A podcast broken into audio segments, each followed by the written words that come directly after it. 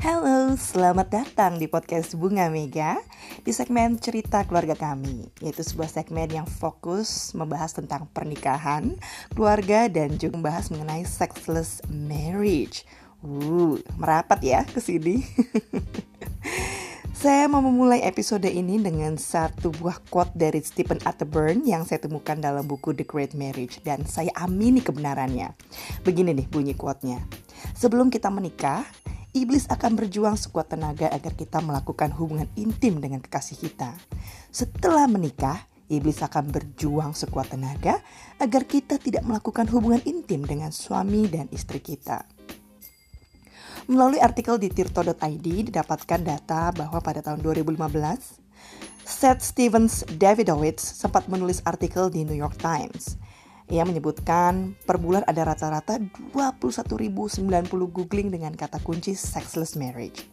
Padahal, di saat yang bersamaan, kata kunci unhappy marriage hanya 6.029 pencarian, loveless marriage sebanyak 2.650, dan no sex sebanyak 1.300.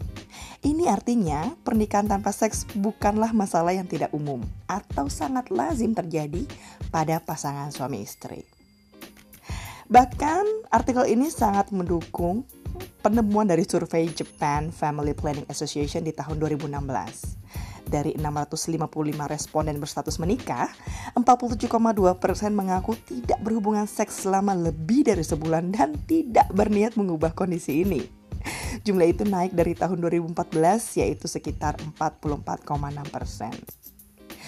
Couples buat saya pribadi sih ya dalam pernikahan ada satu musim kehidupan dalam pernikahan yang sangat mempengaruhi uh, kehidupan intim kita, yaitu faktor ataupun kondisi setelah kita memiliki anak.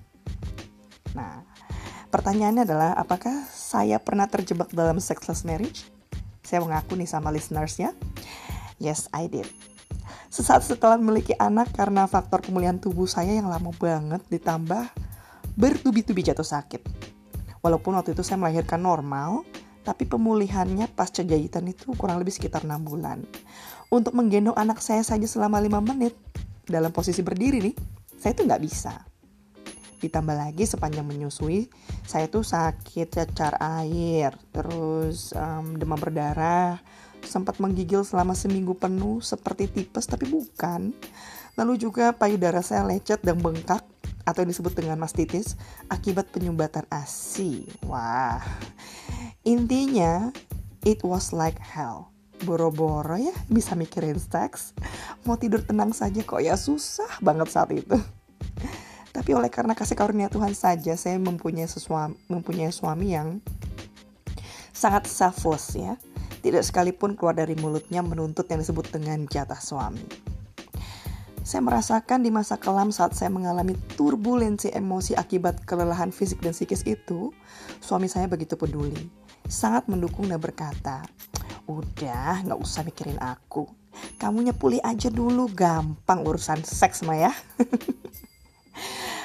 tapi nih, tapi nih ya, setelah semua itu berakhir, saya kok mulai terbiasa ya dengan kondisi kehidupan pernikahan tanpa seks. Lalu mulailah munculan muncul apa ya?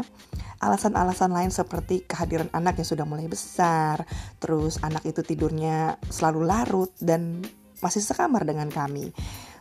Rumah kami tuh mungil, jadi yang satu lagi kamarnya dipakai sama pembantu kami. Nah, alasan-alasan ini akhirnya membuat saya terjebak dalam status quo. Sebelum akhirnya terbersit bisikan di dalam hati, jika pernikahan ini adalah prioritasmu, maka ini penting dibereskan itu benar-benar menohok saya sih. Saya pikir iya ya. Mau sampai kapan kondisi tanpa seks ini dibiarkan? Mau sampai kapan pernikahan saya tuh hambar aja seperti ini? Dan mau sampai kapan saya pakai alasan-alasan tersebut? Karena nggak akan ada habisnya ya, karena sudah pasti anak akan tambah besar. Akhirnya saya dan suami memasuki tahun 2019 ini sepakat untuk kembali menyisihkan satu hari lagi untuk ngedate Walaupun sebelumnya kami pernah melakukannya, tapi yang paling berat adalah di tahun 2018 karena kami memutuskan tidak pakai ART.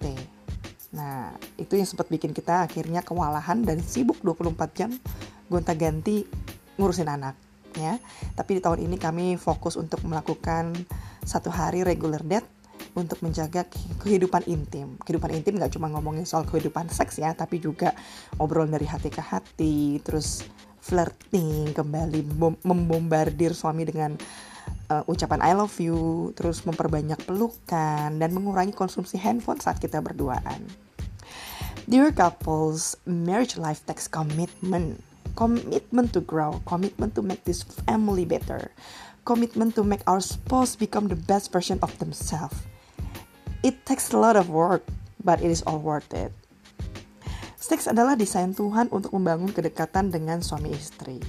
Nah, saya juga ingin berbagi nih ya, berdasarkan pengalaman saya, ada beberapa hal yang bisa kita lakukan saat kita terjebak dalam sexless marriage. Yang pertama adalah mulai dari hal kecil, kembali rutin berpelukan, bergandengan, dan ucapkan I love you sesering mungkin dengan pasangan kita. Yang kedua, sediakan waktu kurang lebih minimum banget ya, 15 menit untuk bicara dari hati ke hati untuk mengenal pasangan. Dan bicaranya bukan soal kerjaan loh, bukan soal anak, bukan soal keuangan, apalagi cicilan. Tapi tentang kalian berdua, tentang kegilaan-kegilaan apa yang sudah lama nggak dilakukan, tentang hal-hal yang bisa membuat kita bisa menjadi pasangan yang lebih baik lagi, ya. Lalu yang ketiga, ternyata oh ternyata mood itu bisa dibangun loh ya. Berdasarkan riset, hanya butuh berciuman 6 detik saja untuk menuju gerbang keintiman. Jadi sebenarnya untuk memulai kehidupan seksual lagi, it's not that hard. Yang keempat, sediakan satu hari untuk berdua saja. Anda bisa titipkan anak pada keluarga terdekat, atau misalnya kondisinya seperti hubungan kami berdua yaitu tidak punya keluarga yang dekat, maka kami taruh di daycare dan kami jadikan satu hari itu dalam seminggu sebagai our regular date. Yang kelima, last but not least, membangun mindset kita tentang pentingnya menjaga pernikahan, hubungan yang hangat tidak peduli berapa lama pun kita telah menikah. Let's always begin with the end of mind. Mari kita sama-sama ngomong di dalam hati kita, mensugesti diri kita sendiri ya, mengatakan kepada diri kita bahwa saya mau pernikahan saya semesra awal berbulan madu. Saya mau pernikahan ini hangat dan terus bergandengan tangan hingga kulit keriput. Saya mau pernikahan ini menjadi contoh, menjadi blueprint ataupun cetak biru bagi anak-anak kami kelak tentang bagaimana ia dan istrinya eh bagaimana ia dan suaminya ataupun istrinya dapat menjaga api cinta dalam pernikahan. Dear couples, anak kelak akan meninggalkan kita, tetapi yang tinggal hingga akhir hayat adalah pasangan kita. So, lebih baik untuk kita menjaga kedekatan emosi sejak dini dibanding memperbaiki emosi yang telah terpisah. Kenali saya lebih dekat dengan memfollow saya di Instagram at bunga underscore mega ataupun di cerita keluarga kami dan juga bisa membaca seputar hal-hal pernikahan, keluarga dan pola asuh anak di website saya di www.bungamega.com. Saya Bunga Mega. Have a great marriage.